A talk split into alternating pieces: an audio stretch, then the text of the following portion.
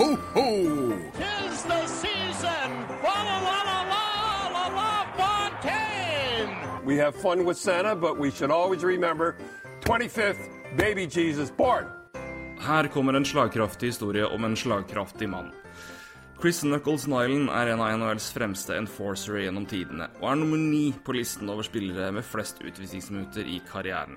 Nyland fikk 3043 minutter på 688 kamper i NHL, som må sies å være ganske Nyland.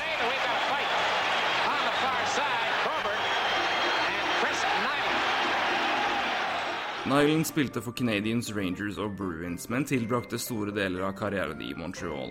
Og tiden i Montreal ble brukt mye i utvisningsboksen i gamle Montreal Forum, så at Nyland følte seg hjemme der, er vel innafor å si.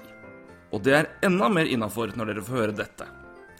Da gamle Montreal Forum ble stengt i 1996, ble det meste fra arenaen solgt på en auksjon.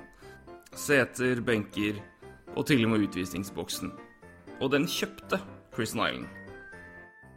For meg personlig er det det beste kjøpet jeg noensinne har hørt om. Og hvem vet, kanskje det kan være et godt julegavetips til en av dere der ute.